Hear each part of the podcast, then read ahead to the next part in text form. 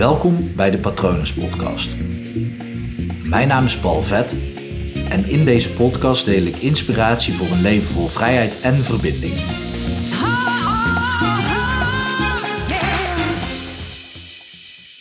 Verdeeldheid is goed, mits je je blijft richten op het geheel. Doe je namelijk het tegenovergestelde en richt je je op de delen, dan sta je altijd vooruitgang in de weg. Want op het moment dat jij je blijft richten op de delen, zonder je te focussen op het geheel, dan zal de vooruitgang altijd stagneren, zal je stil blijven staan.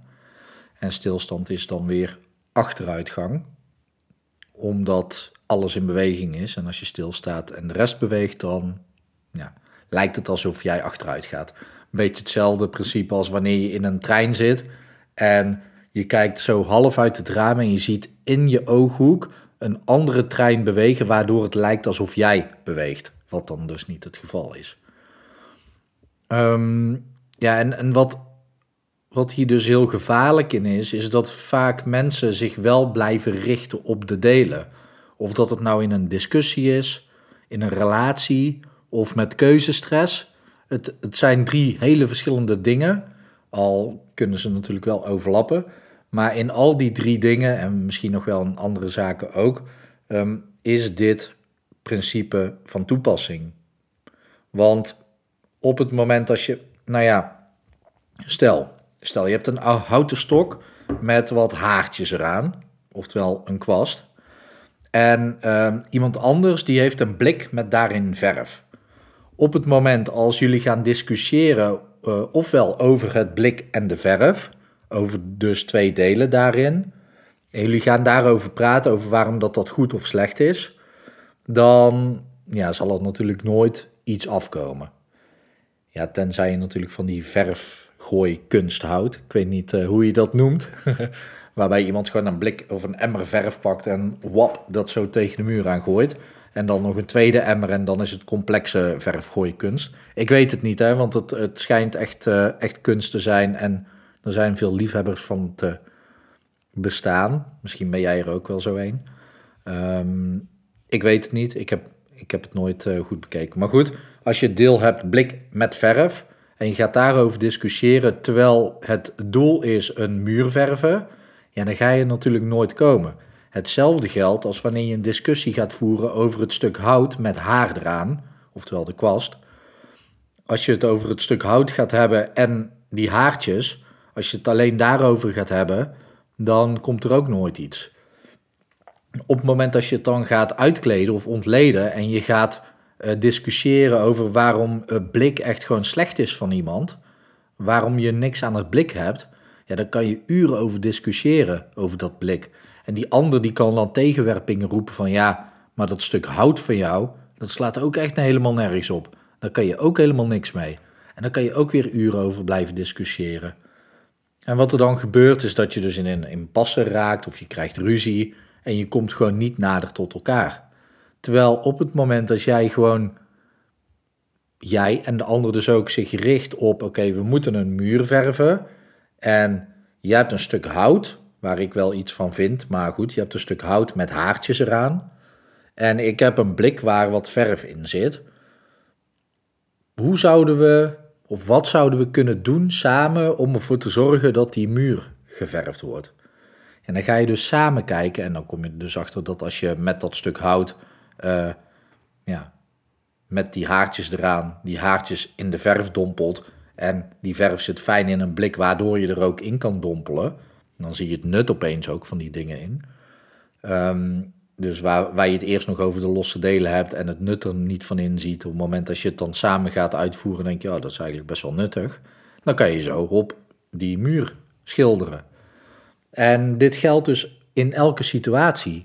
Want op het moment dat jij dus ehm, in een relatie zit bijvoorbeeld, en er ontstaat een probleem in de relatie, jullie hebben een meningsverschil, discussie of ruzie ergens over, dan is het oplossen van de ruzie is het grotere geheel.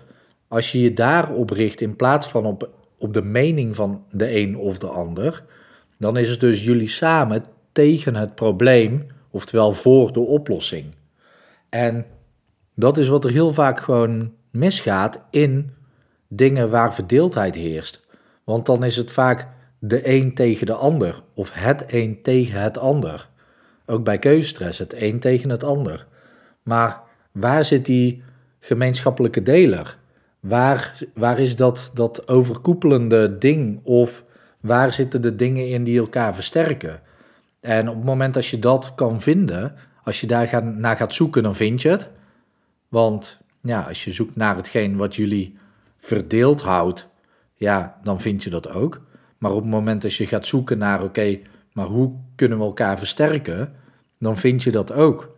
Dus dan is het meer kwartetten van, uh, heb jij voor mij uit de categorie uh, dingen waarmee je papier doormidden kan, uh, kan krijgen, een schaar. En zegt de ander, ja, ik heb hier een schaar. Nou, mooi, ik heb hier een papier, kan je mooi doormidden knippen. Dan heb je samengewerkt.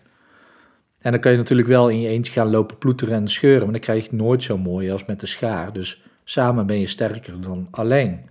Maar alleen als je dus naar het grotere geheel kijkt, en in dat geval dus een papier mooi doormidden knippen.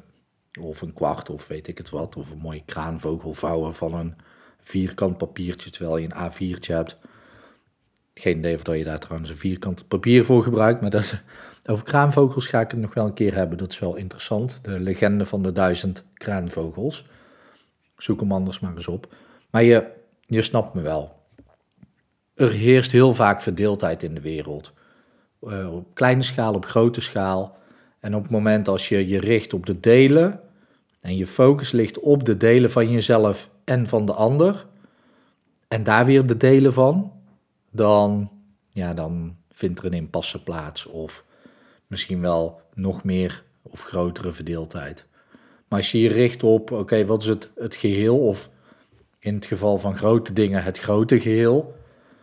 Ja, als je daarop richt en je gaat dan bij de ander kijken van hé, hey, maar welke waarde kan de ander leveren voor het grote geheel en welke waarde kan ik leveren voor dat grote, al dan niet grote, geheel, dan ontstaan er vaak mooie dingen en samenwerkingen en vooruitgang. En saamhorigheid en gelijkwaardigheid en zo. Het is heel fijn. Mocht je dit een lastig ding vinden of hier vragen over hebben of een totaal andere mening over hebben, wat natuurlijk ook kan. Um, als je wil bijdragen aan dat grote geheel, stuur me dan gerust een mail naar patronen.palvet.com. Ik vind het altijd leuk om van je te horen. Mocht ik iets voor je kunnen doen uh, op het gebied van hypnotherapie, kijk dan even op www.hypnopal.nl. Ik hoop dan natuurlijk dat het goed met je gaat. Ik hoop dat het goed gaat met dierbaren van je. En ik wens je nog een hele mooie dag toe.